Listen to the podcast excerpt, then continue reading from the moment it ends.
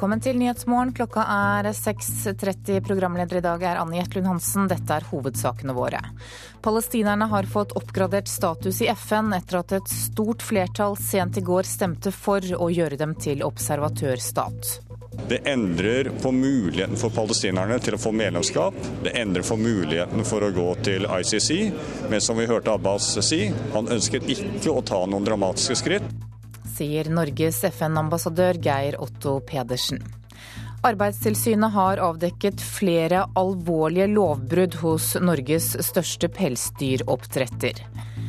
Senterpartiet tar seg ikke tid til å være med på årets utdeling av Nobels fredspris til EU, men SV møter opp, sier partileder Audun Lysbakken.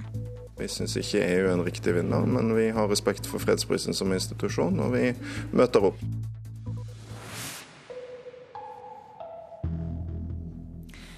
Et stort flertall på 138 av 193 medlemsland i FN ga i går kveld palestinerne oppgradert status i FN. Palestinernes statsminister takker Norge for årelang støtte og klart standpunkt for en palestinsk stat. Det er usikkert hvor stor endring det blir for palestinerne etter at de nå får status som observatørstat uten stemmerett i FN. Med sterk støtte fra et overveldende flertall i FNs hovedforsamling kan palestinerne nå noteres en oppgradert status i FN som observatørstat uten stemmerett. Palestinernes statsminister Salam Fayyad takker i et eksklusivt intervju med NRK for Norges årelange støtte og klare standpunkt for en palestinsk stat. Uh, Norway has been an incredible and strong supporter of our cause, cause of peacemaking in the region, uh, beginning with actually uh, the Oslo process itself. Certainly uh, strong and warm uh, support for our quest for freedom and dignity. Uh, I love Norway. Reporter var Jon Gelius. Halvparten av dem som får hjerneslag kommer for seint til behandling, det viser en ny undersøkelse. En viktig grunn er at mange nøler med å ringe etter hjelp. Opplever du svikt i armer eller bein eller problemer med tale, så bør du undersøkes raskt. Det sier stipendiat og overlege Kashi Faiz, som har gjennomført undersøkelsen. Hvis du mistenker hjerneslag, så skal du ringe 113 og kontakte ambulansen og komme rett til sykehuset. I tilfelle slaget skyldes en blodpropp, er det nemlig viktig å få rask behandling med blodfortynnende medisin for å få løst opp proppen. Hvis ikke kan man få varige skader. Du kan sitte igjen med at du ikke har språket i orden, at du ikke ser på ene eller andre siden, eh, at du sitter i rullestol fremfor å kunne gå eller gå med en krykke. Så det er betydelig utfall folk kan sitte igjen med. Reporter Tom Ingebrigtsen. Både Senterpartiet og SV er svært kritiske til fredsprisutdelingen til EU. Men mens senterpartistene holder seg hjemme, så stiller samtlige SV-statsråder og partilederen opp når prisen skal deles ut 10.12. Det handler om å vise respekt for Nobelinstituttet, sier SV-leder Audun Lysbakken. The Nobel Peace Prize for 2012 is to be awarded to the European Union. Både senterpartister og SV-ere ble rasende da Torbjørn Jagland fortalte hvem som skulle få årets fredspris. Men trass innbitt EU-motstand tar SV-toppene på seg sin fineste stas og stiller på prisutdelinga 10.12., forteller SV-leder Audun Lysbakken. Alle våre statsråder deltar, jeg deltar, og også noen til fra stortingsgruppen. Vi har sagt tydelig fra om hva vi mener om prisutdelingen. Vi syns ikke EU er en riktig vinner, men vi har respekt for fredsprisen som institusjon, og vi møter opp. I Senterpartiet har de valgt ei helt anna linje. Ingen av Sp sine fire statsråder har takka ja til invitasjonen. De har alle anna å gjøre. Parlamentarisk leder Lars Peder Brekk avviser at dette er noen boikott. Nei, Da har de nok antagelig prioritert eh, sine arbeidsoppgaver. Det er slik at eh, Statsråder også må prioritere sine arbeidsoppgaver. Jeg har forståelse for det. Sier du at dette bare handler om arbeidsoppgaver, og ikke om faktisk hvem som får prisen? Det er bestandig slik at du skal prioritere dine arbeidsoppgaver. Det er også slik at man vurderer eh, fredspristildelinga i år. Det vil jeg tro ligger til grunn for alle sammen. Nei, Det er jo ikke tilfeldig. Det smaker av boikott. Sier Nikolai Astrup fra Høyre. Jeg mener at det Senterpartiet nå gjør, det spiller rett inn i det Kina eh, forsøkte å argumentere med i fjor. Nemlig at dette i realiteten er en politisk pris.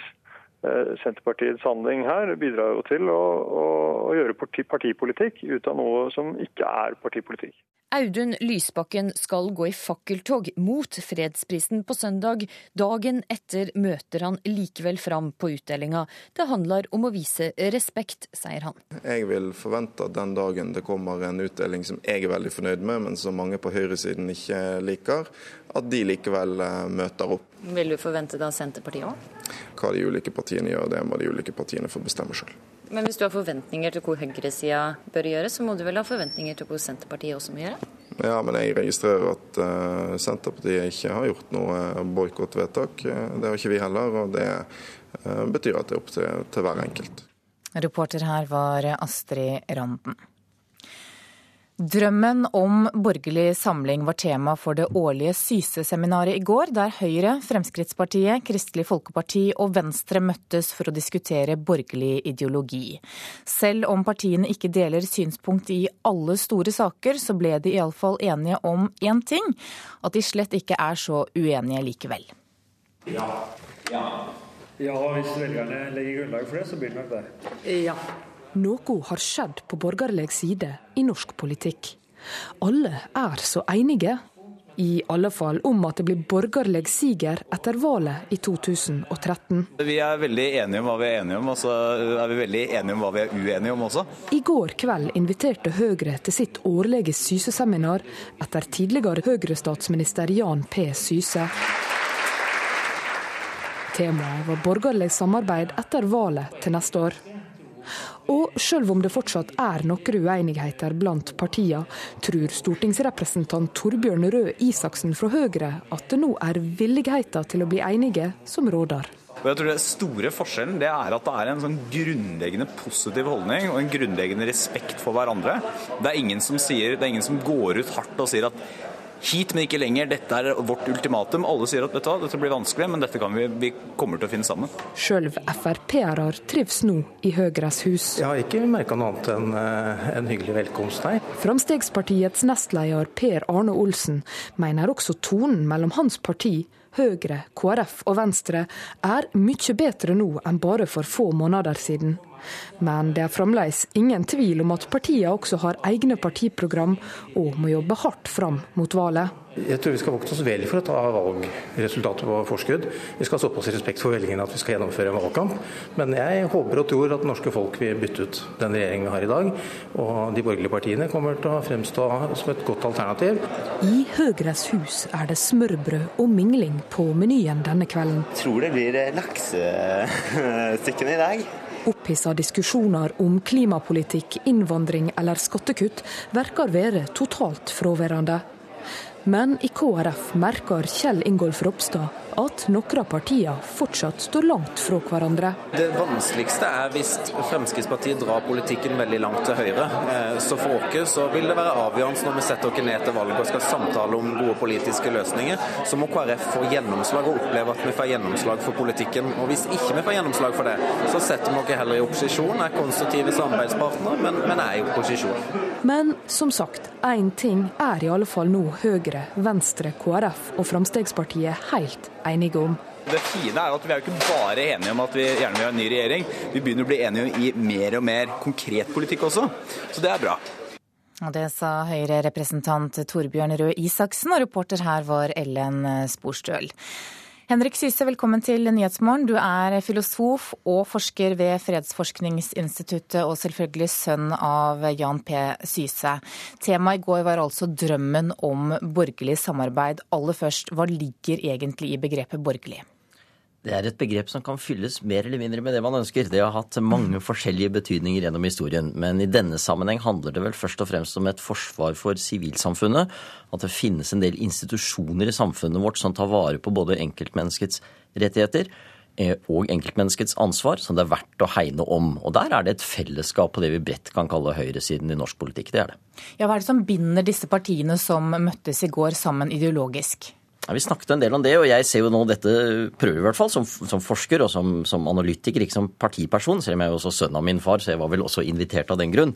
Eh, men det har med eh, en respekt for eh, hva det er enkeltmennesket både kan og vil gjøre, men samtidig en respekt for at dette enkeltmennesket inngår i en større sammenheng. Og Det er ikke bare sånn filosofisnakk, det. Det handler jo også om hvordan vi lager institusjoner i samfunnet vårt som tar vare på individet. Det trenger ikke bare være statlige institusjoner. og Det merket jeg i diskusjonen i går, at det binder faktisk disse partiene sammen. Også partier som i en god del praktiske spørsmål står et stykke fra hverandre. Eh, KrF og Fremskrittspartiet f.eks. er bundet sammen av dette ønsket om å lage et godt samfunn som ikke bare er basert på at det er en stor stat, at man har høy skatteinnkreving, at man har mange og vanskelige lover, men hvor man faktisk også satser på eh, hva det er enkeltmennesket kan klare å gjøre selv. Men Kristelig Folkeparti definerer seg som, eh, ikke som et borgerlig, men som et ikke-sosialistisk parti. Hva er forskjellen? Ja, Det har jeg hørt mange ganger, og det har jeg også tenkt mye på. Eh, jeg tror at de ønsker å vise at de er i et sentrum i norsk politikk. At de ikke veldig klart vil definere seg på én side. Og så er det nok for noen slik at borgerlighet har et litt sånn småborgerlig preg ved seg også. At det er noe med de som har nok, og i grunnen nok med seg selv. Men det var et sitat av min far som ble hentet frem i går. Det er det som skal kjennetegne konservativ politikk, mente han. Det er at eh, mennesket er ikke seg selv nok. Eh, vi skal ta vare på eh, mennesket, men ikke fordi at de skal handle på bekostning av andre. Det er et fellesskap som skal tas vare på. Og det er veldig viktig, for her er det noen spenninger på høyresiden i norsk politikk og i høyresiden generelt. Det er ikke noe tvil om det. Men hvilke konkrete områder kan man se for seg at denne borgerlige ideologien gjør seg gjeldende i praktisk politikk? Ja, Det snakket vi også en del om, om, i går. Eh, jeg tror at det har noe med respekt for arbeid og for eiendom å gjøre. At man lar folk få lov til å utvikle seg. Så tror jeg det har noe om å beskytte en del institusjoner i samfunnet og sørge for at de får lov til å vokse og trives. Det som representerer frivillighet. Hadde jeg nå representert KrF, ville jeg nevnt Kirken. Eh, en fra Høyre ville kanskje snakke om eh, handel og økonomi. Men det er snakk om faktisk mye av det samme. Og så syns jeg også det var interessant å se i går at det er en samling om eh, internasjonalt ansvar. Og det vektlegges nok litt forskjellig i de forskjellige partiene, men at de fire nå har kommet ganske godt sammen om det å snakke om klima, om at Norge må være med og handle internasjonalt, selv om det er spenninger mellom disse partiene. Det syns jeg er interessant. Er det slik at ideologien på den politiske venstresida er tydeligere enn på borgerlig side? Noen ganger har det nok vært opp opplevd slik, fordi det også er eh, enda tydeligere for folk flest hva sosialisme representerer. Men på den annen side så er det klart at sosialismen har utviklet seg veldig, den også. Det har skjedd mye. Det er store spenninger til et parti som SV. Det så vi da de skulle velge ny leder. Det er betydelige spenninger der. Eh, det betyr også at det er en god del overlapp. Heldigvis er det det. Eh, norsk politikk er jo ikke så splittet at det ikke er noe fellesskap mellom venstre- og høyresiden. Så er det mange som kan snakke sammen. Vi kunne hatt med noen fra venstresiden også i går og hatt en fin samtale. Og det er tross alt en styrke ved norsk politikk at vi jevnt over snakker med hverandre med respekt og tydelighet. Og da eh, er ikke alltid de ideologiske skillelinjene det viktigste. Takk til deg, Henrik Syse. Arbeidstilsynet har avdekket flere alvorlige lovbrudd hos Norges største pelsdyroppdretter. Da tilsynet besøkte minkfarmen til Jan Gjesdal i Sandnes i Rogaland tidligere denne måneden, så oppdaget de at de 17 polske arbeiderne som jobber der, hadde mangelfulle eller ingen arbeidskontrakter. Polakkene bodde også i hus og brakker som ikke tilfredsstiller kravene til innkvartering i arbeidsmiljøloven. Det sier tilsynsleder Gro Ellingsen i tilsynet. Det var særdeles skittent. Det eneste vann som var der, var i toalettet. Det var ikke rengjort i det hele tatt. Det var en innkvartering som på ingen måte tilfredsstiller standarden. Det var rot og uhygiene på et nivå som vi ikke skal ha i Norge i dag. Vi karakteriserer dette som sosial dumping, og det er helt uakseptabelt i samfunnet vårt i dag. Og Gjesdal vil ikke kommentere denne saken overfor NRK. Da skal vi ta en kikk på dagens aviser og se hva de har på forsidene sine i dag. Aftenposten skriver at Det internasjonale skiforbundet vil bremse Norges skidominans. Norske langrennsløpere vant alle verdenscupstartene forrige helg, og nå vurderer forbundet om Norge må kutte i støtteapparatet for å skape likere forhold.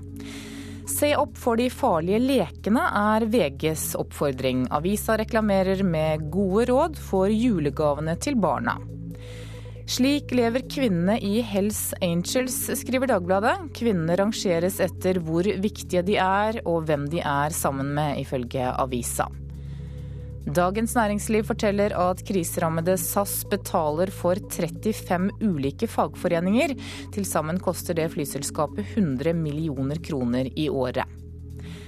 Vi krangler så busta fyker, skriver Dagsavisen. Arvestrid rammer én av fem norske familier og skaper uvennskap i årevis. Lambda-bygget er fullstendig uegnet som nytt Munch-museum. Det advarer konservatorene ved Folkemuseet i Klassekampen i dag. De spår skyhøye driftskostnader som følge av uegnede byggematerialer og elendige lysforhold. Vårt Land skriver at Barneombudet kan bli dårligere til å fange opp overgrep når mange kommuner nå kutter i bemanningen i barnehagene. EU svartelister norske kvotefavoritter, kan Bergens Tidende fortelle. Samtlige av de ti største leverandørene av klimakvoter til norske selskaper blir svartelistet av EU fra neste år. En av dem anklages for å forgifte drikkevann og jordsmonn i India. SVs kamp mot gruveavfall i norske fjorder støttes ikke av SVs ungdomsparti, skriver Nasjonen. Ungdomspartiet tror at gruvenæringen kan bli et nytt industrieventyr her i Norge. Og staten har satt i gang en storaksjon mot privat bruk av firmabiler. Det forteller Finansavisen i dag. Denne uka får 5000 bedrifter brev fra skatteetaten. Skal vi ha sport i Nyhetsmorgen. De norske hopperne er usikre på formen før dagens lagkonkurranse i verdenscupen. Ingen overbeviste i treningshoppene i går kveld, og Tom Hilde håper at det løsner. Jeg er fornøyd med hvordan det føles, selv om jeg hopper litt for kort. Men det er små detaljer, så det kommer til å fly, det her. Anders Fannmæl tenker også litt på at det ikke klaffer helt i Finland. Litt bryr jeg meg, men eh, ser litt på video, sånn, så tror jeg det løser seg fort. Du blir ikke stressa av det? Jeg kjenner det iallfall. Hvis jeg fortsetter sånn, så blir jeg sikkert litt stressa. De norske gutta svedde på en sky etter suksessen på Lillehammer forrige helg, med seier i mixed lagkonkurranse, andreplass i storbakke og tredjeplass i liten bakke. Men i treningshoppene i finske Kosamo i går kveld kom de fort tilbake til hverdagen havrelefsa og striskjorta. Ingen markerte seg i toppen. Det bekymrer Anders Jacobsen litt. Det er gjerne litt sånn når det kommer fra strøkne forhold i Lillehammer og gode resultater og føler at dette kan jeg jo, så blir man kanskje litt eh, Kanskje ikke helt på. Får kikka litt video og sett hva slags eh, idiotfeil man gjør oppi der, så blir det sikkert bedre. Fannemel, Hilde Jacobsen og Anders Bardal skal hoppe for Norge i kveld. NRKs hoppekspert Espen Bredesen tror det kan bli tøft å vinne. Vi ser jo det at det å hoppe på hjemmebane kontra det å komme til Kusamo, hvor det er eh, både mye vind og det er kaldt, så, så, så blir den norske hoppinga litt for varierende til at eh, vi kan få det helt store resultatet. Vardal, fjorårets sammenlagtvinner, vet hva som må til. Ting skjer litt kjapt på kanten her. Det drar til litt mye i stedet for det lange, fine skyvet. Og det, ja, det er bare litt sånn uvant eh, ennå. Jeg tror nok vi skal få slite med å ha åtte gode hopp der borte. Jeg tror nok det blir stor variasjon. Og Lagkonkurransen kan du se på NRK2 klokka 17 i ettermiddag. Reporter her var Anders Engeland. Du hører på Nyhetsmorgen i NRK P2 og Alltid nyheter. Klokka er 6.48. Dette er hovedsaker i nyhetene i dag. Palestinerne har fått oppgradert status i FN etter at et stort flertall sent i går stemte for å gjøre dem til observatørstat. Halvparten av dem som får hjerneslag, kommer for seint til behandling. Arbeidstilsynet har avdekket flere alvorlige lovbrudd hos Norges største pelsdyroppdretter.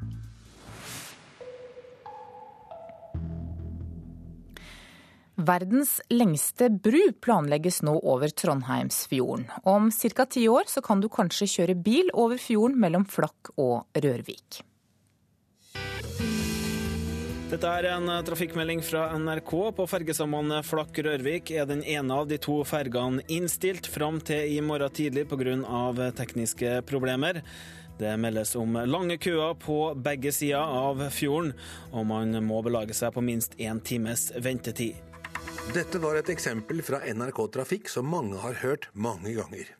Men om noen år vil de forstumme. I Rissa har det i flere år, nærmest i all hemmelighet, pågått planlegging og prosjektering av en bruforbindelse i stedet.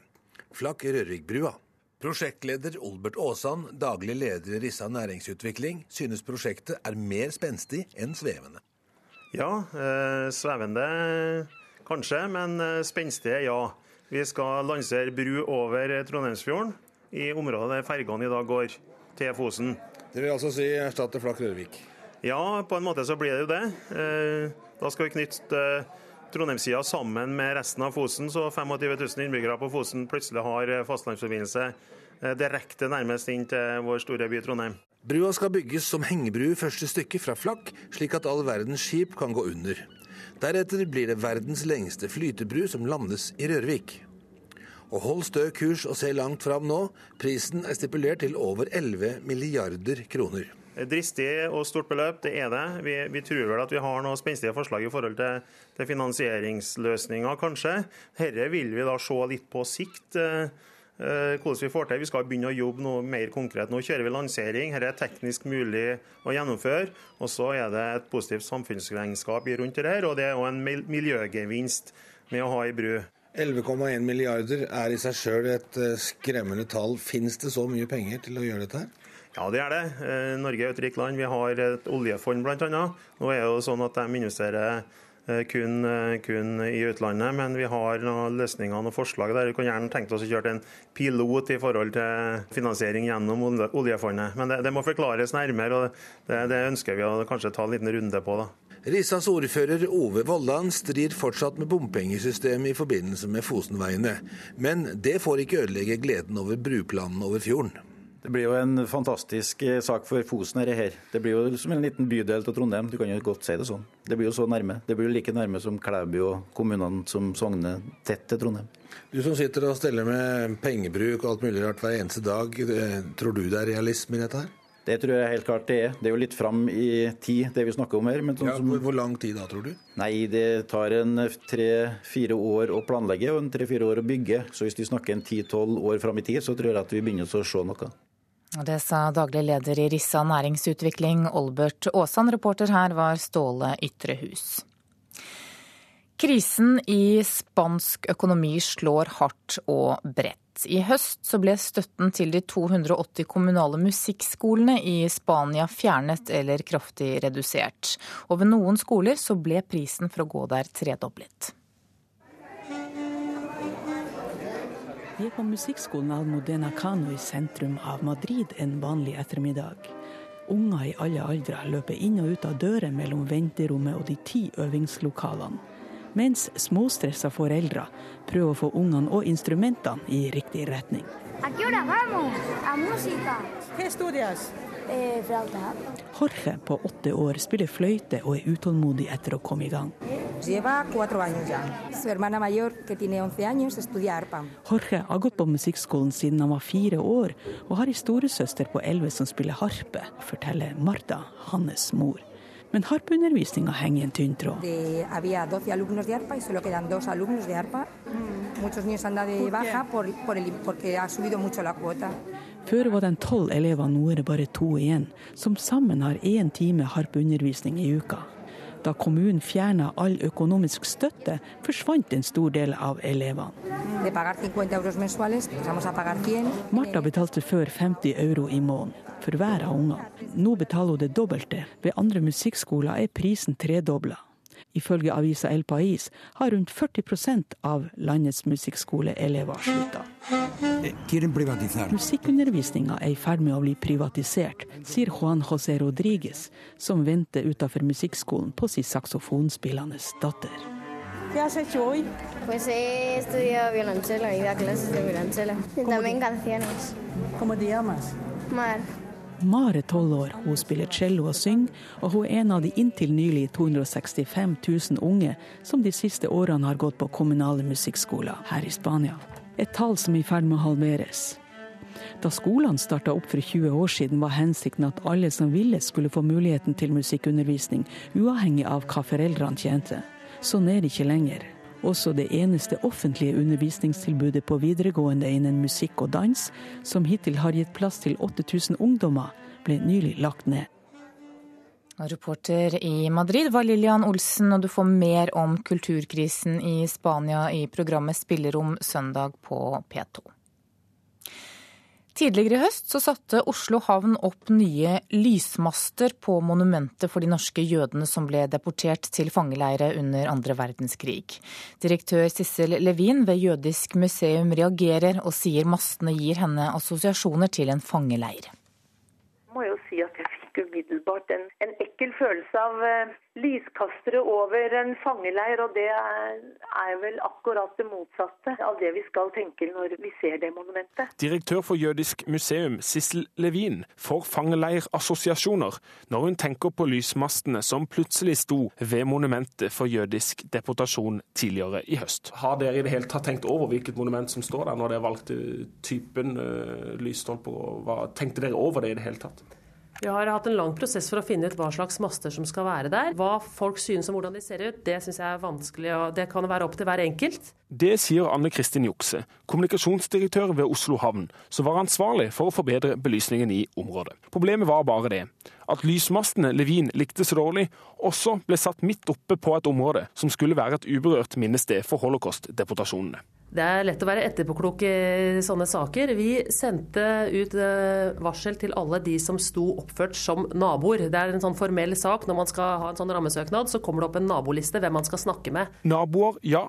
Berørte parter, nei. Og når Kulturdepartementet fikk snusen i byggingen, ble to av stolpene tatt ned. Tilbake står to store betongblokker på et område som i sin helhet skulle være et minnesmerke. Kunstverket består av åtte tomme metallstoler vendt ut mot havet. Leder for HL-senteret, Guri Hjeltnes, forteller at også selve kunstverket ble flyttet på i byggeprosessen. Og De har til og med flyttet den ene stolen på vei av eh, så den er nå satt tilbake liksom, på ut fra gamle bilder og sånn, for, for de, de, sto i veien, ikke sant? Hjeltnes sier Oslo havn nå har tatt grep og ryddet bort mye av rotet fra minnesmerket. Men Arve Bringaker, daglig leder ved Norske Billedhuggeres Forening, mener det er brudd på åndsverkloven å endre på et kunstverk uten å konferere med kunstneren først. Du kan jo ikke forkludre det uten at kunstneren er enig i det. Det er kunstner som har opphavsretten til kunstverket. Oslo havn er klare på at Gormli ble kontaktet, men de innrømmer at de tok seg visse friheter i e-posten han fikk. Det hadde sendt en e-post hvor det sto hvis ikke du svarer, så antar vi at du samtykker. Stemmer dette, vet du det? Ja, det stemmer at vi har sendt en uh, sånn e-post. Vi sendte en forespørsel til han og inviterte han å komme til Norge. Inviterte han for å komme og se på, se på planene. Men uh, i forkant av den prosessen så har han altså ikke vært godt nok orientert i etterpåklokskapens lys så kan man godt si det. Men nå har vi en dialog med han, og vi er interessert i å finne en god løsning. Det sa Anne Kristin Jukse, som er kommunikasjonsdirektør ved Oslo havn, og reporter her var Steinar Solås Suvatne. Hør Kulturhuset Lurer du på hva ordfører Fabian Stangs flaueste musikalske øyeblikk er? Eller hvilken låt som får den nye politimesteren, Hans Sverre Sjøvold, til å bli tykk i halsen og få tårer i øynene? I dag møtes Tobias i tårnet og politimester Bastian i Kulturhusets platedate klokken 15 på P2. Nå skal vi se på et værvarsel som gjelder til midnatt. Fjell i Sør-Norge kan vente seg skiftende bris i dag. Østlig frisk bris nord for Dovre, litt snø øst for Dovre, ellers oppholdsvær. Østland og Telemark nordlig bris, frisk bris på kysten, stort sett oppholdsvær, litt snø i Hedmark.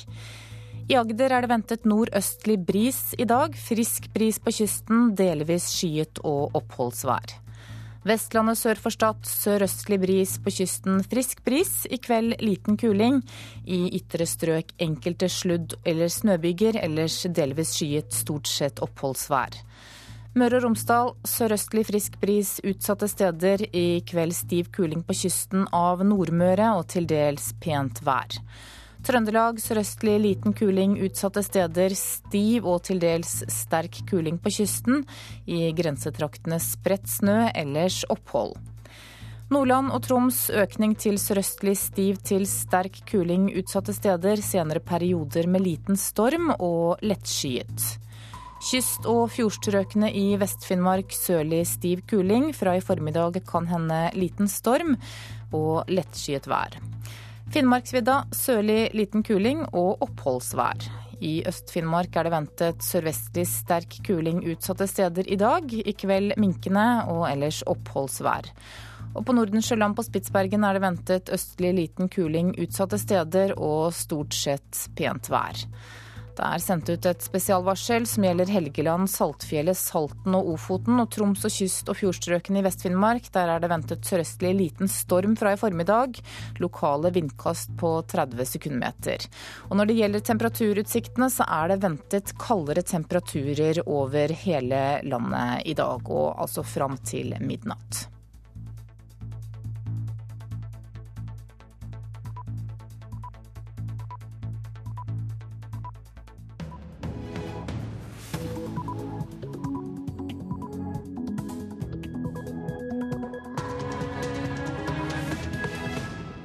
Klokka er sju. Du lytter til Nyhetsmorgen med Anne Jetlund Hansen i studio. Her er en nyhetsoppdatering.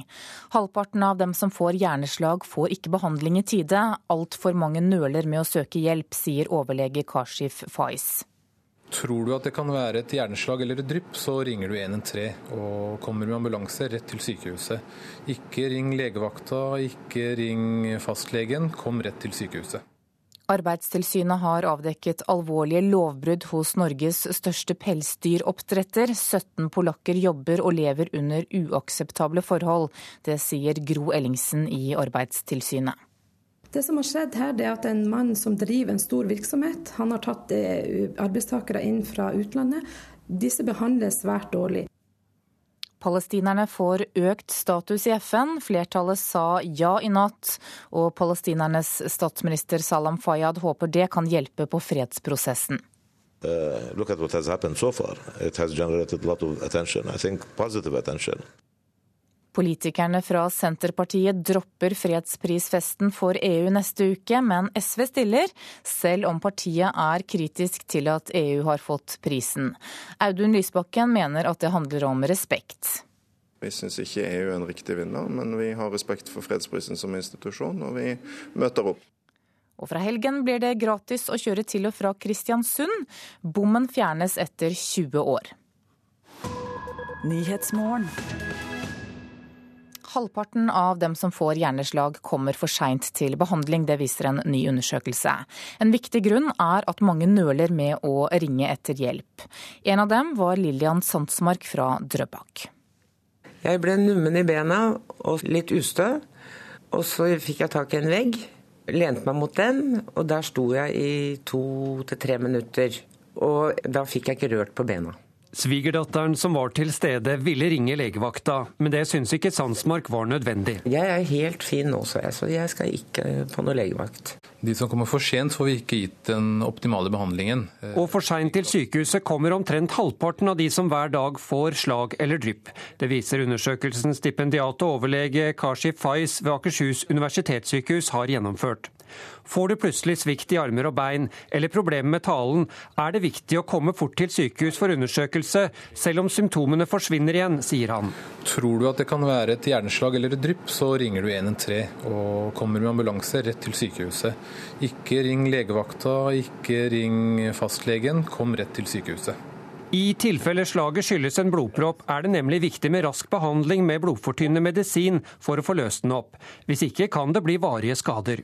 Du kan sitte igjen med at du ikke har språket i orden, at du ikke ser på ene eller andre siden, eh, at du sitter i rullestol fremfor å kunne gå eller gå med en krykke. Så det er betydelig utfall folk kan sitte igjen med. Mye tyder også på at helsevesenet informerer for dårlig. For undersøkelsen viser at også de som tidligere har vært innlagt på sykehus med slag eller drypp, reagerer for seint. Ja, det var et overraskende funn for oss eh, at de som har hatt tidligere slag eller drypp, også bruker like lang tid som alle andre pasienter. Vi hadde forventet at de hadde visst mer om symptomer. Men det kan nok være vi som er, ikke er flinke nok til å forklare om symptomer og utfall, både til pasienter og pårørende, slik at de ikke er observante på det ved neste slag eller drypp. Det du har hatt, er nok et drypp, i og med at du ble så raskt ja. bedre. Det er høyst sannsynlig første to døgn etter et drypp at du kan få slag. Så de vil jo også ha inn på samme måten som slag. Lillian Sandsmark slapp skader. Hun lot seg nemlig etter hvert overtale av svigerdatteren og barna til å dra på legevakta, som igjen sendte henne til sykehuset. Jeg tror ikke jeg hadde gjort det hvis ikke de, noen av de hadde vært til stede. Da ville jeg ventet, og det hadde kanskje fått andre konsekvenser. Reporter her var eh, Tom Ingebrigtsen. Mats Gilbert, du er professor og leder for akuttmedisinsk avdeling ved Universitetssykehuset i Nord-Norge. Halvparten av dem som får hjerneslag kommer altså for seint til behandling. Hvordan reagerer du på det? Nei, dette er jo et velkjent problem. Vi har gjort en tilsvarende studie i Tromsø som viser akkurat det samme som denne viktige studien til Kashi Fais. Og det er to forhold som er viktige. Det ene er at befolkningen ikke er raske nok og ikke får forstår symptomene. Og det andre er at vi helsepersonell og helsevesenet heller ikke er raskt nok. Og Det har store konsekvenser, for er det en blodpropp, og det er den vanligste årsaken til hjerneslag, så har vi altså i dag muligheten til å gi blodproppoppløsende behandling, det vi i nord kaller for Plumbo. Og det bør gis innenfor et tidsvindu på ca. 90 minutter etter at man har fått de første symptomene. Og da gjelder det å ringe så fort som mulig, og ringe 113. Så blir det et blålysløp fordi hvert minutt teller. Vi mister altså i underkant av to millioner hjerneceller for hvert minutt som går, hvis vi har en eh, tilstoppet blodåre, som er altså den vanligste årsaken til slag. Så her har vi et svært forbedringspotensial. Men én ting er at vi som eh, vanlige mennesker eh, handler for seint, men hvorfor, er, hvorfor handler helsepersonell for seint, sånn som du sier? Vi har gjort store framskritt de siste årene, spesielt gjennom medisinsk nødmeldetjeneste, altså 113 ambulansesystemet.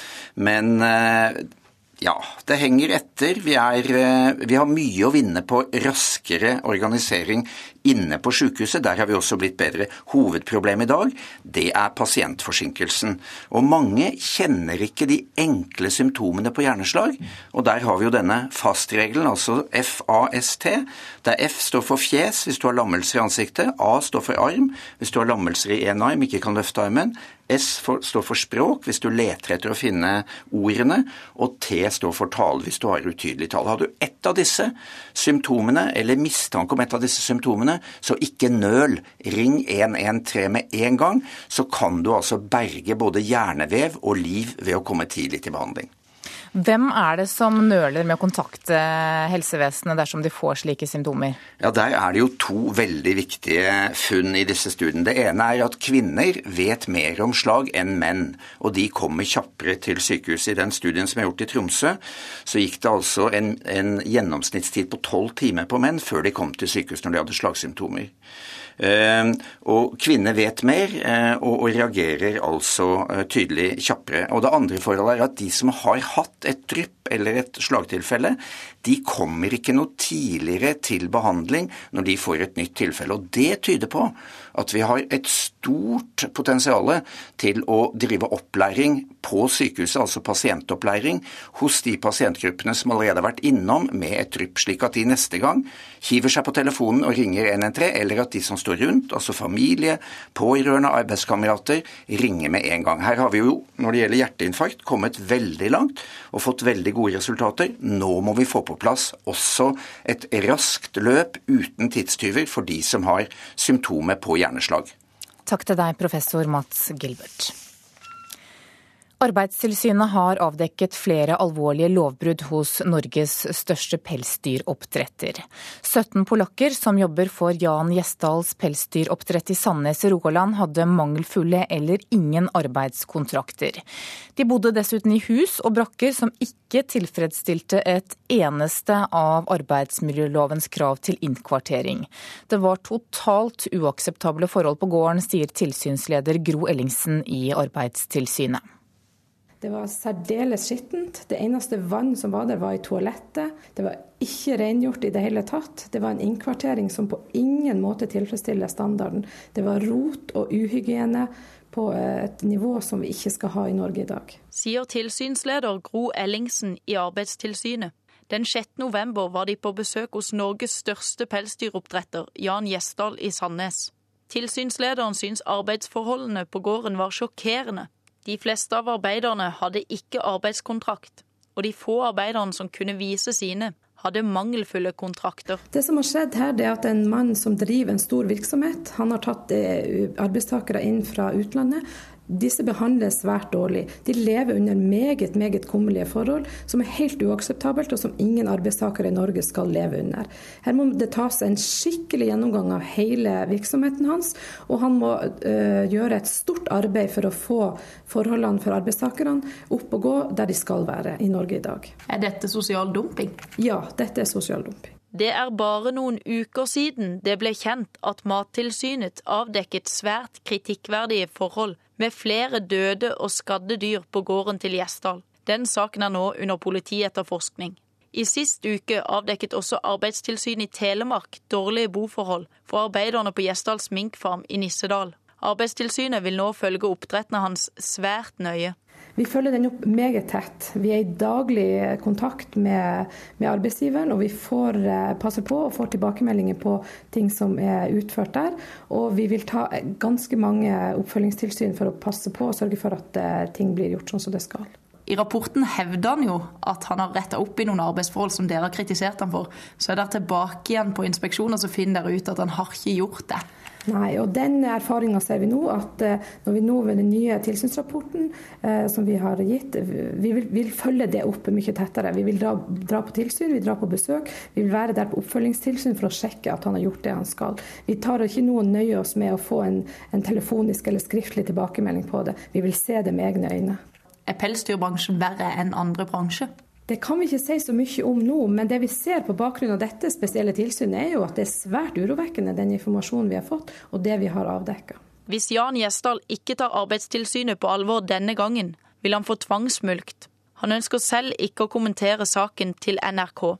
Reporter her, det var Siri Vikne Pedersen.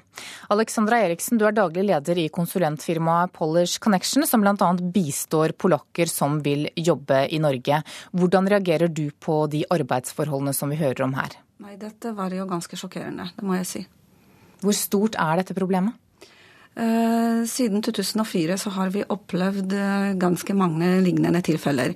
Men eh, heldigvis så ser vi at det blir jo færre og færre sånne situasjoner. Hvorfor det? Først og fremst så tenker jeg på alle kontroller som er blitt i det siste i byggebransjen. Det er, det er ganske ofte at både Arbeidstilsynet skattemyndighetene og fagforeninger kontrollerer hvordan de utenlandske jobber og bor i Norge. Men hva er grunnen til at mange polske og andre utenlandske arbeidere godtar slike forhold?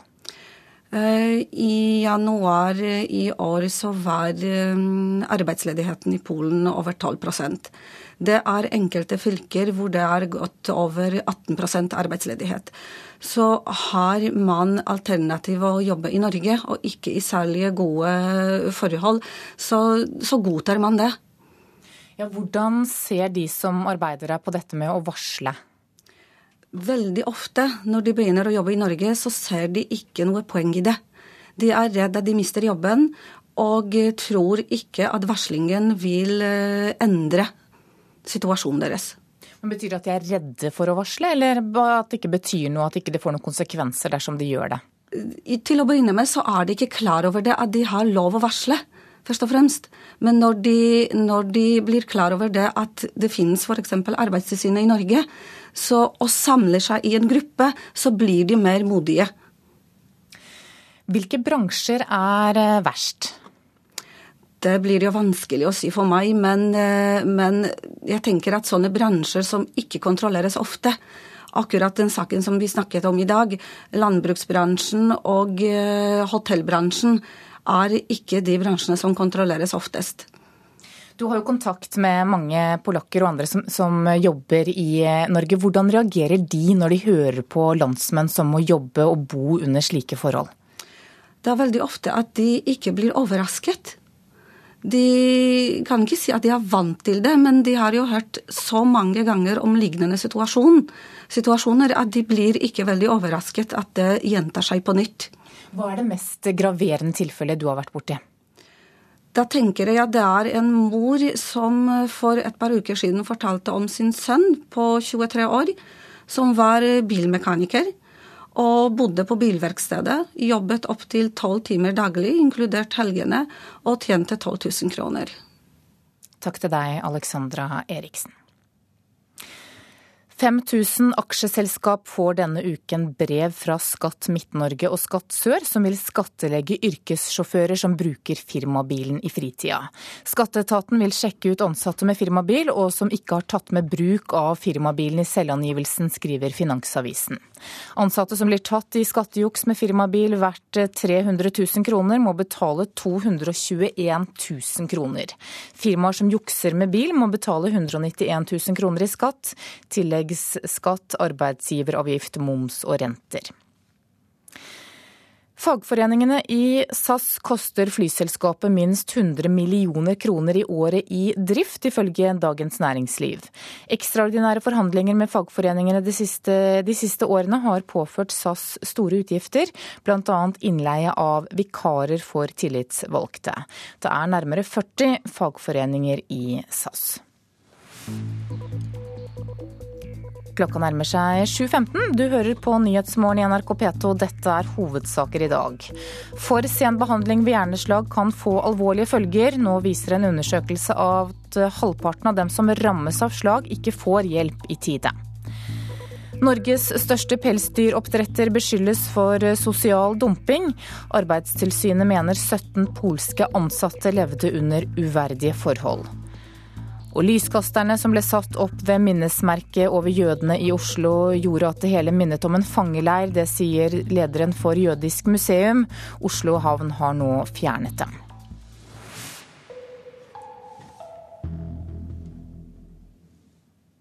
Et stort flertall i FN ga i går kveld palestinerne oppgradert status i FN.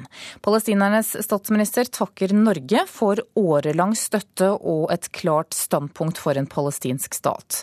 Det er usikkert hvor stor endring det blir for palestinerne når de nå får status som observatørstat uten stemmerett i FN. Med sterk støtte fra et overveldende flertall i FNs hovedforsamling kan palestinerne nå noteres en oppgradert status i FN som observatørstat uten stemmerett. USA sto last og brast med Israel og stemte nei til forslaget. 41 land valgte å la være å gi sin stemme, mens Norge og 137 andre land stemte ja. Palestinernes statsminister Salam Fayyad takker i et eksklusivt intervju med NRK for Norges årelange støtte og klare standpunkt for en palestinsk stat.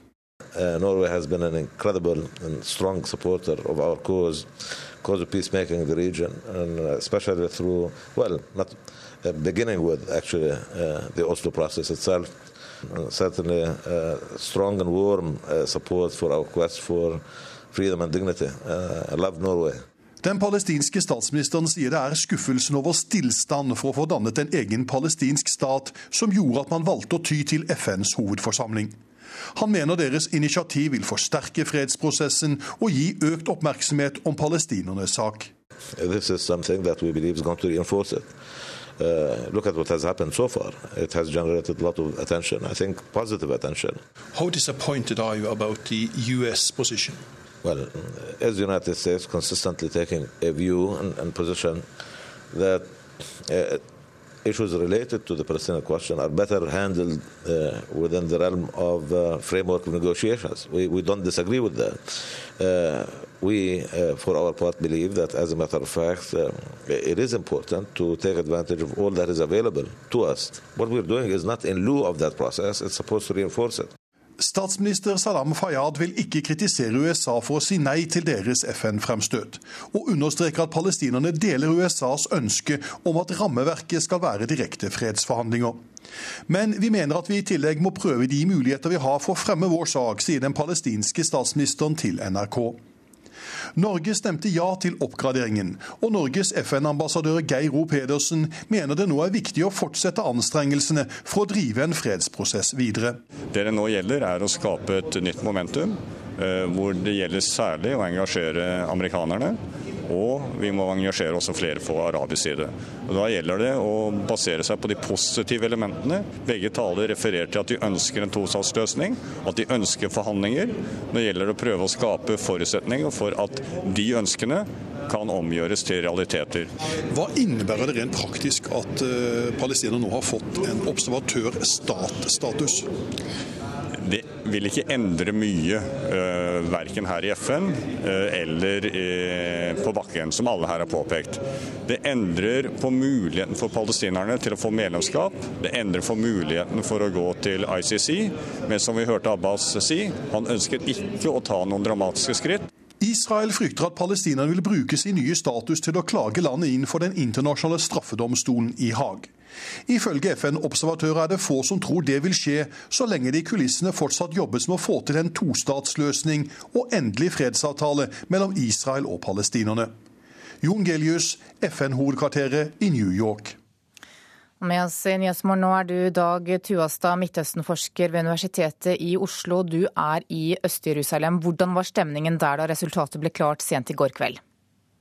Nei, Vi eh, hørte raketter bli skutt opp, og denne gangen så var det fyrverkeri. Og eh, kirkeklokker ringte, og biler kjørte rundt og tuta. og Det var eh, stor feiring. Tidligere på dagen var det jo store oppmøter i alle palestinske byene, og opp mot 70 000 mennesker i Hebron. Så det var en stor dag for palestinerne her.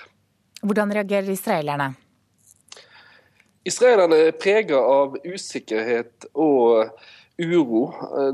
De vet ikke helt hvordan de skal eh, tolke dette. Men eh, det som er et moment, er at eh, Israel har, hadde etter 11.9 en helt spesiell rolle i Vesten og i USA som den nære allierte. Men i dag er dette helt endra, og det har kanskje ikke helt gått opp for israelerne. Men nå begynner det å gå opp for dem at deres posisjon er ikke lenger den den var. Og i dag er Israel i større grad en belastning for USA og Europa eh, gjennom å være de, og i forhold til Det å være støttespiller for eh, Israel er en belastning for USA og Europa. Og eh, Derfor har eh, europeerne nå vendt Israel ryggen i FN. Hvilke konsekvenser får det?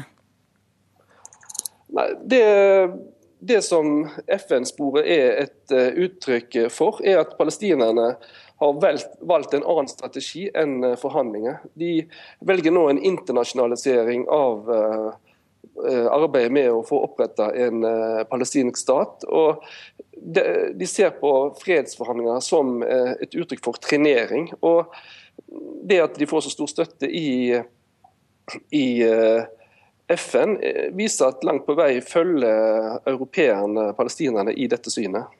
Så det betyr at eh, palestinernes tålmodighet nå er slutt når det gjelder å forhandle fram en tostatsløsning? Men palestinerne vet ikke om Israel faktisk ønsker en tostatsløsning. Og det er veldig mye som tyder på at Israel ikke har bestemt seg for dette sjøl. Fordi de har hele tida utvida bosetningene i de okkuperte områdene. Og Når palestinerne ser at mens forhandlingene pågår, så har antall bosettere i de okkuperte områdene blitt fordobla. Og disse går rundt og oppfører seg dårlig mot palestinerne uten å bli straffeforfulgt. Og dette er en stor påkjenning for uh, palestinerne. Så de, de, ser vel at forhandlinger skal føre til en tostatsløsning. Men, og de er for en tostatsløsning, men de vet ikke hva Israel uh, vil. Og da tenker de hvorfor forhandle om om noen og ikke motparten faktisk er enig i hva som skal være utfallet. Burde, slik som du ser det, en slik avstemning i FN vært utsatt palestinerne blir enige om at Israel har rett til å eksistere? Nei, altså PLO har jo anerkjent eh, Israel. Eh, men eh, problemet er at man har ikke fått en tilsvarende anerkjennelse i forhold til opprettelsen av en Eh, palestinsk stat eh, fra israelsk side. Så, det, så det, det, er vel det som er spørsmålet her nå. Takk til deg, Dag Tuastad. Tre tidligere fredsprisvinnere, blant dem den sørafrikanske erkebiskopen Desmond Tutu, protesterer mot at Nobels fredspris i år blir tildelt Den europeiske union. EU er åpenbart ikke den forkjemperen for fred som Alfred Nobel hadde i tankene da han skrev sitt testamente, heter det i et åpent brev fra Tutu, Mered Maguire fra Nord-Irland og Adolfo Perez Escuel fra Argentina.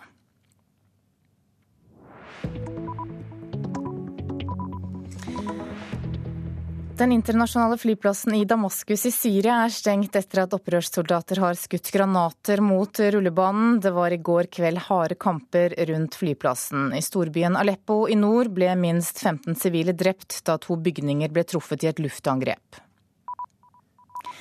I Egypt har grunnlovsforsamlingen vedtatt at en president ikke kan sitte med makten i mer enn to fireårsperioder. Den nye grunnloven skal nå godkjennes av president Mohammed Morsi før han legger, før han legger den ut til folkeavstemning. Den amerikanske soldaten Bradley Manning har forklart seg for en militærdomstol for første gang siden han ble pågrepet i Irak i mai 2010.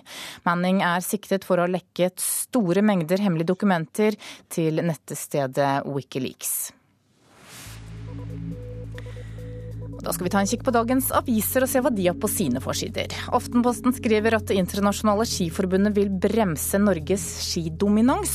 Norske langrennsløpere vant alle verdenscupstartene forrige helg, og nå vurderer forbundet om Norge må kutte i støtteapparatet for å skape likere forhold. Se opp for de farlige lekene er VGs oppfordring. Avisa reklamerer med gode råd for julegavene til barna.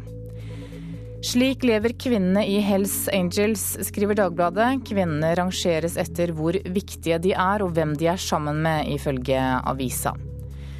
Vi krangler så busta fyker, skriver Dagsavisen. Arvestrid rammer én av fem norske familier og skaper uvennskap i årevis. Lambda-bygget er fullstendig uegnet som nytt Munch-museum. Det advarer konservatorene ved Folkemuseet i Klassekampen i dag. De spår skyhøye driftskostnader som følge av uegnede byggematerialer og elendige lysforhold. Vårt Land skriver at Barneombudet kan bli dårligere til å fange opp overgrep når mange kommuner nå kutter i bemanningen i barnehagene.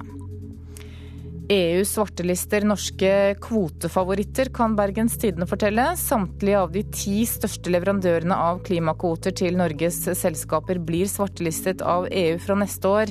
En av dem anklages for å forgifte drikkevann og jordsmonn i India. Og SVs kamp mot gruveavfall i norske fjorder støttes ikke av SVs ungdomsparti, skriver Nasjonen. Ungdomspartiet tror gruvenæringen kan bli et industrieventyr.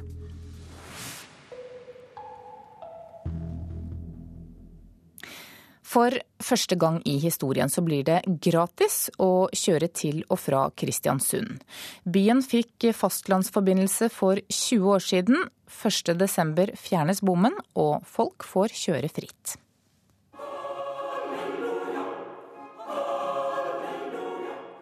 Kristiansund Kammerkor øver på konsert. I helga synger de halleluja for advent og for en fri vei, sier Kristiansunds kulturnestor Peder Rensvik. Ja, det syns jeg. Det er grunn til å synge halleluja mange ganger for det. For det er jo historisk for eh, ytre strøk på Nordmøre, og indre for den saks skyld. Kristiansundere har aldri kommet seg på land uten å betale for det.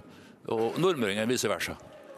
Kristiansund er hovedsete for servicen til oljenæringa i Midt-Norge, og har kanskje den største trafikken av alle basene i landet.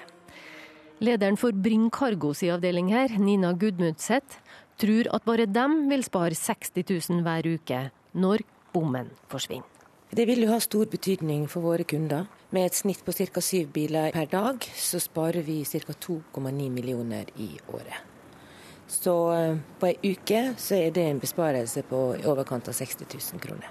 Og det er ikke tvil om at folket i gata også finner grunn til å feire. Det må være kjempebra. Ja, ja, ja. ja.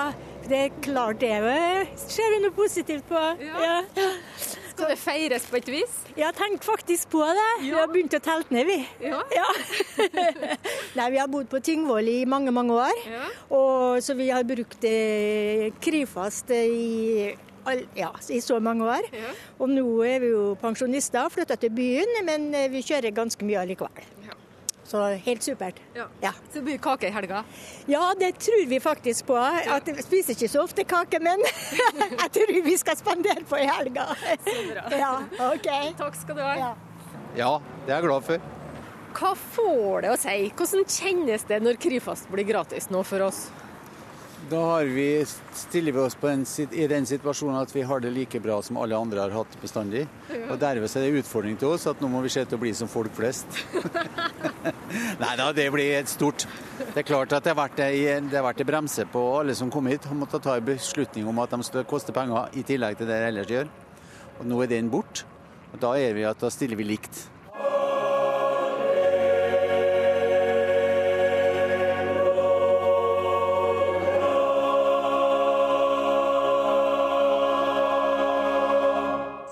Vi hørte Kristiansund Kammerkor, og reporter det var Anne Mari Flatseth.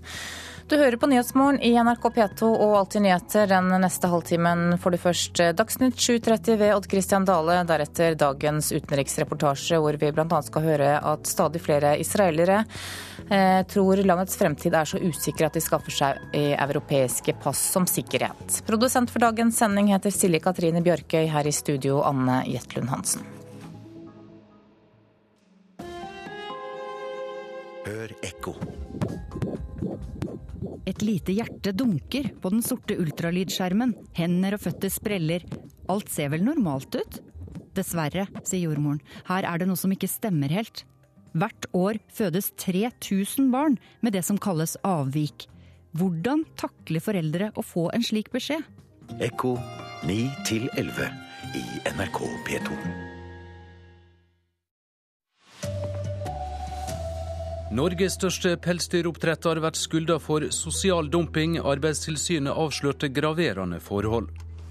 Halvparten av de som blir rammet av hjerneslag, kommer for seint til behandling, viser ny undersøking. Og palestinerne takker Norge for støtta etter at et stort flertall i FN røysta for økt status. Ja, god morgen, her er NRK Dagsnytt, klokka er 7.30.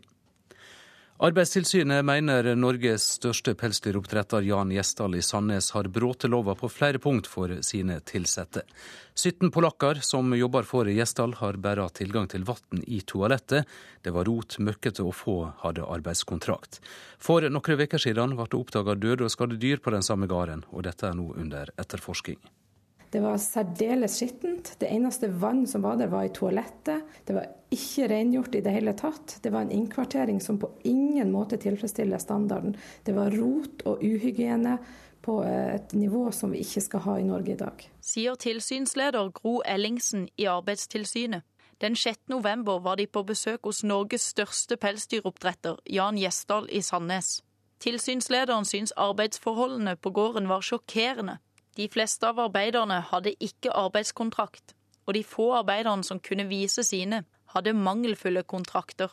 Eh, dette dreier seg om utenlandske arbeidstakere. Vi karakteriserer dette som sosial dumping, og det er helt uakseptabelt i samfunnet vårt i dag. Det er bare noen uker siden det ble kjent at Mattilsynet avdekket svært kritikkverdige forhold med flere døde og skadde dyr på gården til Gjesdal. Den saken er nå under politietterforskning. I sist uke avdekket også Arbeidstilsynet i Telemark dårlige boforhold for arbeiderne på Gjesdals minkfarm i Nissedal. Arbeidstilsynet vil nå følge oppdrettene hans svært nøye. Eh, det vi så var at det var svært alvorlige forhold, men kvalifis det kvalifiserte nok ikke for den stengingsbestemmelsen. Men vi har likevel gitt mange omfattende pålegg med veldig kort frist for oppfyllelse. Og Jan Gjesdal vil ikke uttale seg til NRK i denne saka. Reporter var Siri Vikne Pedersen. Alexandra Eriksen, du er konsulent i firmaet Polish Connection, som hjelper polakker som vil jobbe her i landet. Hvor alvorlig vil du si at disse arbeidsforholdene som nå blir skildra, er? Eh, dette er, må jeg si, veldig sjokkerende, men dessverre ikke overraskende. Siden 2004 så har vi sett veldig mange lignende boforhold og situasjoner for de polske her i Norge.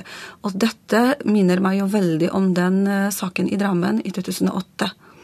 Men, men, hva er grunnen til at folk takker ja til å arbeide under så ekstremt dårlige forhold? Når alternativet er arbeidsledighet, ingen inntekt, så godtar de det veldig ofte. Takk skal du ha, Alexandra Eriksen, som altså er konsulent i firmaet Polish Connection. Halvparten av de som får hjerneslag, kommer for sent til behandling. Det viser en ny undersøking. En viktig grunn er at mange nøler med å ringe til hjelp. Det skjedde også med Lillian Sandsmark fra Drøbak, som brått fikk symptom som hun aldri hadde hatt før. Jeg ble nummen i bena og litt ustø. Og så fikk jeg tak i en vegg, og der sto jeg i to til tre minutter. Og da fikk jeg ikke rørt på bena. Svigerdatteren som var til stede, ville ringe legevakta, men det syns ikke Sandsmark var nødvendig. Jeg er helt fin nå, sa jeg, så jeg skal ikke på noe legevakt. De som kommer for sent, får vi ikke gitt den optimale behandlingen. Og for seint til sykehuset kommer omtrent halvparten av de som hver dag får slag eller drypp. Det viser undersøkelsen stipendiat og overlege Kashi Faiz ved Akershus universitetssykehus har gjennomført. Får du plutselig svikt i armer og bein eller problemer med talen, er det viktig å komme fort til sykehus for undersøkelse, selv om symptomene forsvinner igjen, sier han. Tror du at det kan være et hjerneslag eller et drypp, så ringer du 113 og kommer med ambulanse rett til sykehuset. Ikke ring legevakta, ikke ring fastlegen, kom rett til sykehuset. I tilfelle slaget skyldes en blodpropp, er det nemlig viktig med rask behandling med blodfortynnende medisin for å få løst den opp. Hvis ikke kan det bli varige skader. Du kan sitte igjen med at du ikke har språket i orden, at du ikke ser på ene eller andre siden, eh, at du sitter i rullestol fremfor å kunne gå eller gå med en krykke. Det du har hatt, er nok et drypp, i og med at du ble så raskt bedre. Lillian Sandsmark slapp skader. Hun lot seg nemlig etter hvert overtale av svigerdatteren og barna til å dra på legevakta, som igjen sendte henne til sykehuset. Da ville jeg ventet, og det hadde kanskje fått andre konsekvenser. Reporter her var Tom Ingebrigtsen. Den palestinske statsministeren Salam Fayyad takker Norge for årelang støtte og klart standpunkt for en palestinsk stat. I går kveld ga FN palestinerne oppgradert status. 138 av 139 93 årsak 193 medlemsland røysta for forslaget. Uh, Norway has been an incredible and strong supporter of our cause, cause of peacemaking in the region, uh, beginning with actually uh, the Oslo process itself. certainly strong and warm support for our quest for freedom and dignity. I love Norway. Norge stemte ja til oppgraderingen, og Norges FN-ambassadør Geir O. Pedersen mener det nå er viktig å fortsette anstrengelsene for å drive en fredsprosess videre. Begge taler refererer til at de ønsker en tostatsløsning, at de ønsker forhandlinger. Nå gjelder det å prøve å skape forutsetninger for at de ønskene kan omgjøres til realiteter. Israel frykter at palestinerne vil bruke sin nye status til å klage landet inn for Den internasjonale straffedomstolen i Haag. Ifølge FN-observatører er det få som tror det vil skje, så lenge det i kulissene fortsatt jobbes med å få til en tostatsløsning og endelig fredsavtale mellom Israel og palestinerne. Jon Gelius, FN-hovedkvarteret i New York. Både Senterpartiet og SV er sterkt kritiske til fredsprisutdelinga til EU. Men medan politikerne fra Senterpartiet holder seg borte, stiller samtlige SV-statsråder og partilederne opp når prisen skal deles ut 10.12. Det handler om å vise respekt for Nobelinstituttet, sier SV-leder Audun Lysbakken. The Nobel Peace Prize is to be awarded to the European Union. Både senterpartister og SV-ere ble rasende da Torbjørn Jagland kunngjorde hvem som skulle få årets fredspris. Likevel stiller SV-toppene i sin fineste stas på prisutdelinga 10.12., forteller leder Audun Lysbakken. Alle våre statsråder deltar, jeg deltar, og også noen til fra stortingsgruppen. Vi har sagt tydelig fra om hva vi mener om prisutdelingen. Vi syns ikke EU er en riktig vinner, men vi har respekt for fredsprisen som institusjon, og vi møter opp. I Senterpartiet har de valgt ei helt anna linje. Ingen av Sp sine fire statsråder har takka ja til invitasjonen. De har alle anna å gjøre. Parlamentarisk leder Lars Peder Brekk avviser at dette er noen boikott. Nei, Da har de nok antagelig prioritert eh, sine arbeidsoppgaver. Det er slik at eh, statsråder også må prioritere sine arbeidsoppgaver. Jeg har forståelse for det. Sier du at dette bare handler om arbeidsoppgaver og ikke om faktisk hvem som får prisen?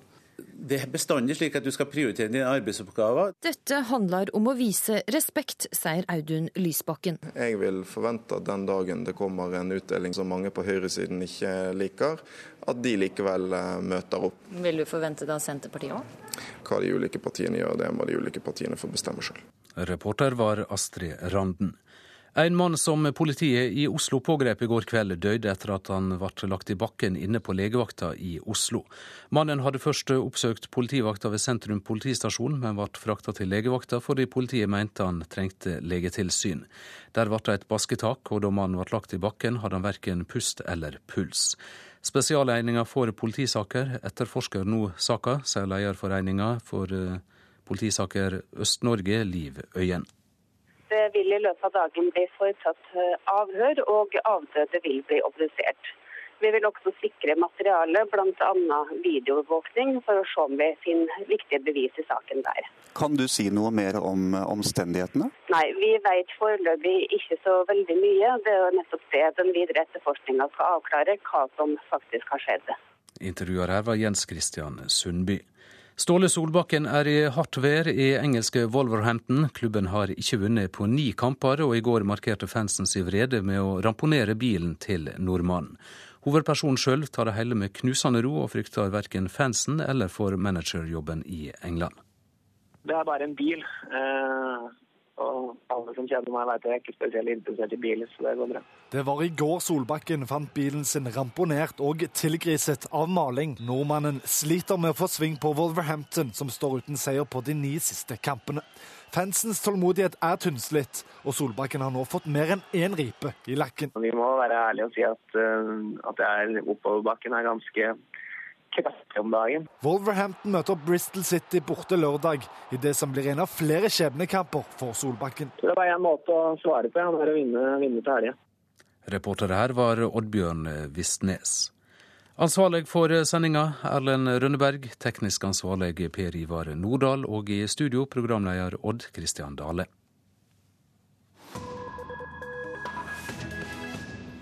Klokka er 7.40 og Nyhetsmorgen fortsetter. Stadig flere israelere tror Israels fremtid er så usikker at de skaffer seg europeiske pass som en sikkerhet. Flere enn 70 000 israelere er blitt tyske statsborgere de siste tolv årene.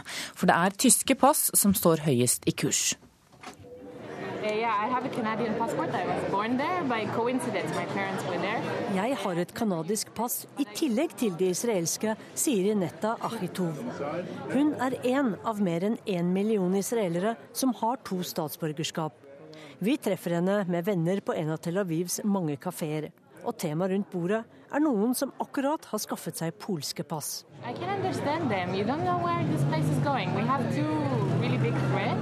Vi har to trusler, den palestinske og den ultraortodokse, sier Achitov.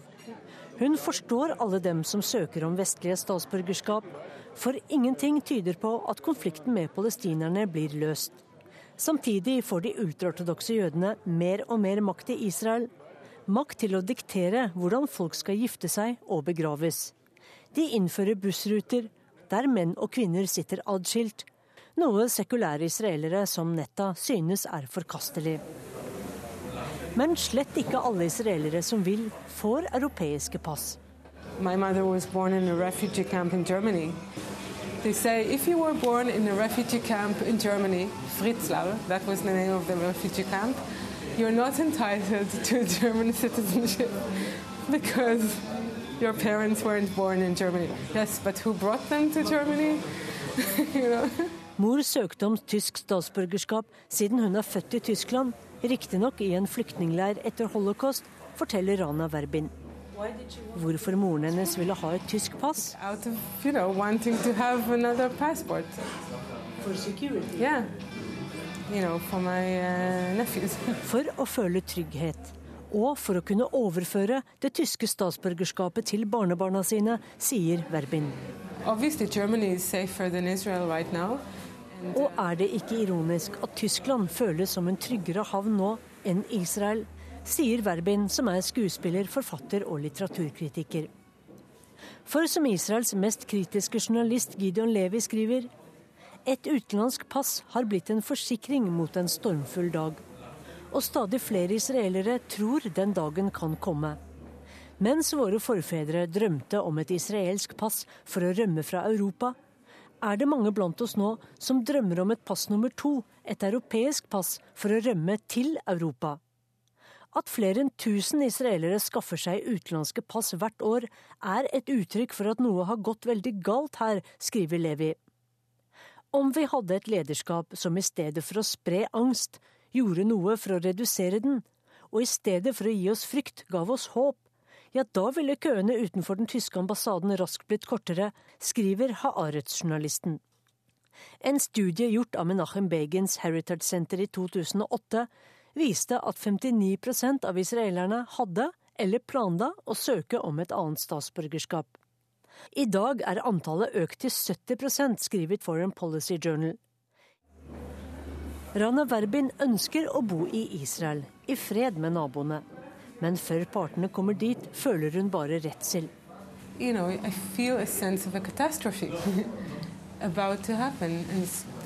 I sine verste øyeblikk ser hun seg selv bo under beleiring i fremtiden, slik som i Gaza. Gaza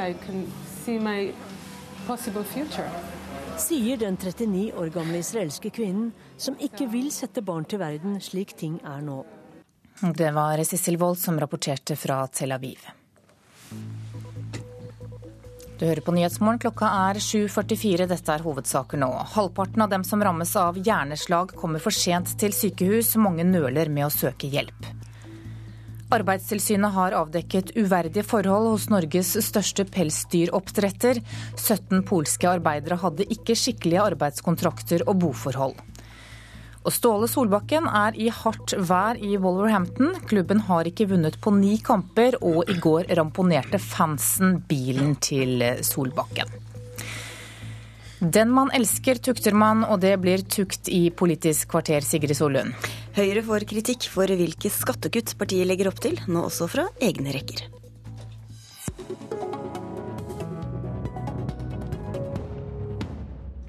Høyre velger helt feil taktikk i skatteopplegget sitt. Det skriver mangeårig Høyre-medlem Jan Arild Snoen i bloggen sin på nettsidene til det konservative tidsskriftet Minerva.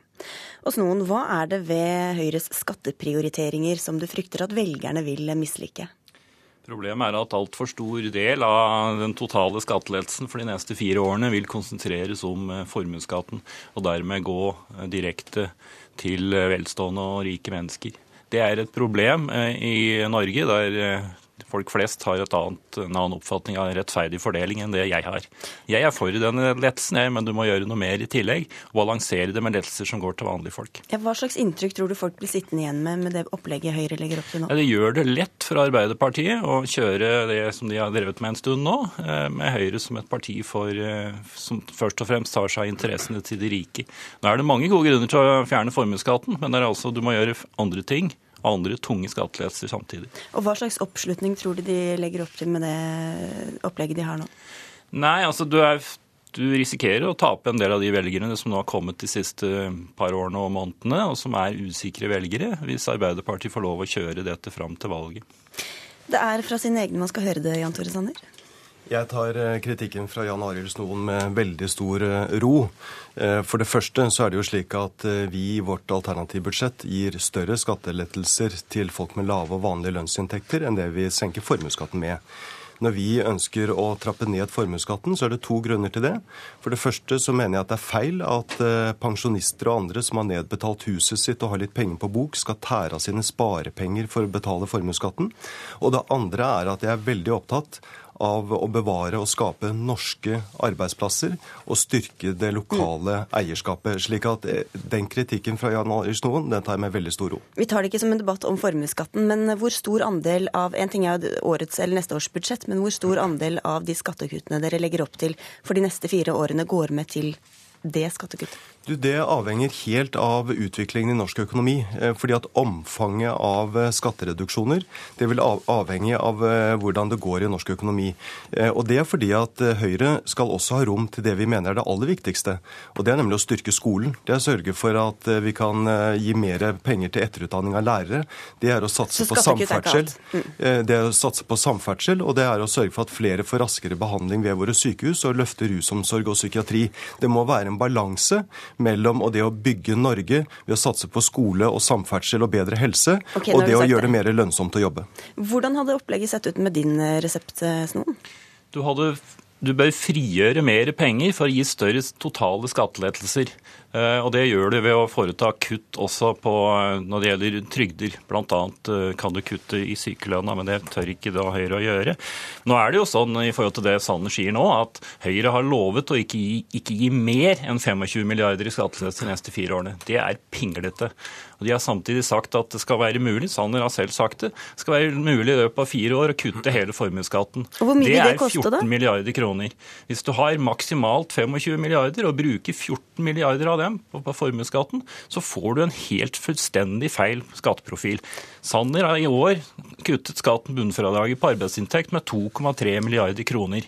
Svenskene, som jeg viste til, de kuttet tilsvarende fradrag første år i regjering med 40 40 milliarder svenske kroner. Det er skattelettelser som monner. Og Du skal få svare på det, Sander, men først vil jeg bare spørre deg til det første han sa. Hvor stor forståelse tror du den jevne nordmann har på at dere bruker så mye penger på skattekutt til relativt få, i stedet for å gi det jevnt over til alle? Ja, Når du sier relativt få, det er faktisk 650 000 nordmenn som betaler formuesskatt. Og veldig mange av dem er eh, pensjonister og andre som må tære på sine sparepenger for å betale formuesskatt. Eh, og veldig mange av dem er eiere av små og mellomstore bedrifter som må ta store utbytter fra bedriften, gjøre arbeidsplassene mer utrygge for å betale penger til staten. Men, men det er likevel i stedet for å kutte flatt på inntektsskatten? Jo, men eh, hør nå her. For oss er, det, er, er skatt, skattelettelser et virkemiddel og ikke et mål. Jeg er veldig for å senke skatten på de lave og vanlige lønnsinntektene. Med min inntekt så er det ikke behov for eh, skattekutt på lønnsinntekt. Da er jeg mye mer opptatt av å frigjøre penger til skole, til samferdsel og ja, til helse. Men hva slags inntrykk tror du folk blir sittende igjen med når de, når de får presentert skattekuttene på den måten som de gjør gjennom den offentlige debatten? Ja, Det avhenger av om man da lytter til, til venstresidens retorikk, eller man ser hva vi faktisk foreslår. Når så du, jeg, du, frykter ikke det jo, samme som Snoen? Nei, jeg gjør ikke det. fordi at jeg er mye ute og besøker små lokalsamfunn i, i hele Norge. Eh, og de ser at det er en stor verdi at de som eier bedriften, også bor i kommunen. Og så har jeg lyst til å svare på eh, det Jan Arild Snoen faktisk skriver i sitt innlegg. Og det er at han anbefaler Høyre vesentlig høyere skattekutt. Det er uaktuelt, fordi jeg skal ha penger til skole skole, til samferdsel og til helse. Men han anbefaler det samtidig å kutte i sosiale ytelser? Ja, så foreslår han også betydelige kutt i sosiale ytelser. Det er enda mer uaktuelt. I et samfunn hvor, eh, hvor de aller fleste av oss eh, opplever økt velstand, så er det uaktuelt å, å, å foreslå betydelige kutt i sosiale ytelser. En slik, en slik, resept har ikke rom i Høyres store sosiale hjerte. Ja, Snoen, hvor appellerende tror du det virker på den jevne velger om de skal kutte i, i sosiale ytelser i den grad du legger opp til? Nei, Det er klart at det er aldri populært å kutte i noe. Men det svenskene gjorde, de hadde en balansert, hadde både en balansert skattepakke, de kuttet til mange, og de hadde en balansert arbeidslinje. Det betyr at de oppmuntret til arbeid både ved å gi skattelettelser, betydelige skattelettelser, og de oppmuntret til arbeid ved å kutte i sosiale trygder. Det ble de gjenvalgt på. Og de kuttet mye mer enn disse småpengene som eh, Jan Tore Sanner og partiledelsen i Høyre driver med. Det er jo nesten men, ingenting. Men, Jan Aris, det er en vesensforskjell på Norge og Sverige. Og den største forskjellen det er at svenskene svenskene har et betydelig høyere skattenivå enn i Norge. Eh, du har vesentlig lavere lønnstillegg enn i Norge. I Sverige så er det riktig å kutte kraftigere i skattene. I Norge hvor vi har hatt vesentlig lavere skattenivå fordi Høyre fikk gjennomslag for det sist vi satt i regjering, så er ikke det det samme behovet for de enorme skattelettelser som du foreslår. Mitt hjerte det brenner for skolen, for samferdsel og for, for, for helse. Og så skal vi sørge for at de med lave og vanlige lønnsinntekter får beholde noe mer, og at de motiveres til arbeid. Mens noen, Hva slags belegg har du egentlig for å si at de kommer til å gå ned i oppslutning med en linje, en mykere linje som vi har sett, som har ført til økt oppslutning for Høyre? Nei, dette dreier seg konkret om formuesskatten. Eh, og jeg tror at det er veldig mange velgere nå som ønsker en, et skifte, nesten for skiftets egen skyld. Og derfor kommer Høyre til å gjøre et godt valg neste år. Eh, men jeg tror denne profilen på skatt, den tjener ikke Høyres oppslutning. Og det kommer til å være flere velgere som blir usikre. Jeg tror ikke det blir noe katastrofevalg for Høyre, men jeg tror ikke dette er noe velgervinner, den skatteprofilen. Du kan godt få en annen skatteprofil selv om du ikke kjøper mitt uh, argument om at du skal kutte, ved å ha en annen balanse. Men La meg bare, bare avslutte med å si at, eh, at, at, jeg er glad for at Jan Arild Noen reiser denne debatten, for det gir meg en god anledning til å si at Til å si samferdsel, skole. Nei, jo, men, si at, at skatt, jo, men eh, hør nå her. Høyres hjerte brenner for veldig mye mer enn skattereduksjoner. Det er viktige virkemiddel, men det er ikke slik at det har forkjørt forkjørsrett i, i, vår politikk. Eh, vi skal satse på skole og helse og på, på samferdsel, og da, eh, da, er det grenser for hvor store skattekutt man kan ha. Det tror jeg var ellevte gangen du sa den. jo, men det, det er viktig. Det er helheten i politikken og balansen, slik Snoen også snakket om. Tusen takk for at dere tok turen til Politisk kvarter, Jan Arild Snoen og Jan Tore Sanner. Var noen av dere på Syse-seminar i går, forresten? Jeg var i Dagsnytt 18. Jeg var ikke der. Men da kan dere jo få høre at det var drømmen om borgerlig samling som var tema da Høyre, Frp, KrF og Venstre møttes for å diskutere borgerlig ideologi. Og selv om partiene fortsatt er uenige om mange politiske saker, ble de i hvert fall samstemt om én ting. Ja. Ja. ja, hvis velgerne legger grunnlag for det, så blir det nok det. Ja. Noe har skjedd på borgerlig side i norsk politikk. Alle er så enige i alle fall om at det blir borgerlig siger etter valget i 2013. Vi er veldig enige om hva vi er enige om, og så er vi veldig enige om hva vi er uenige om også. I går kveld inviterte Høyre til sitt årlige Syse-seminar etter tidligere Høyre-statsminister Jan P. Syse.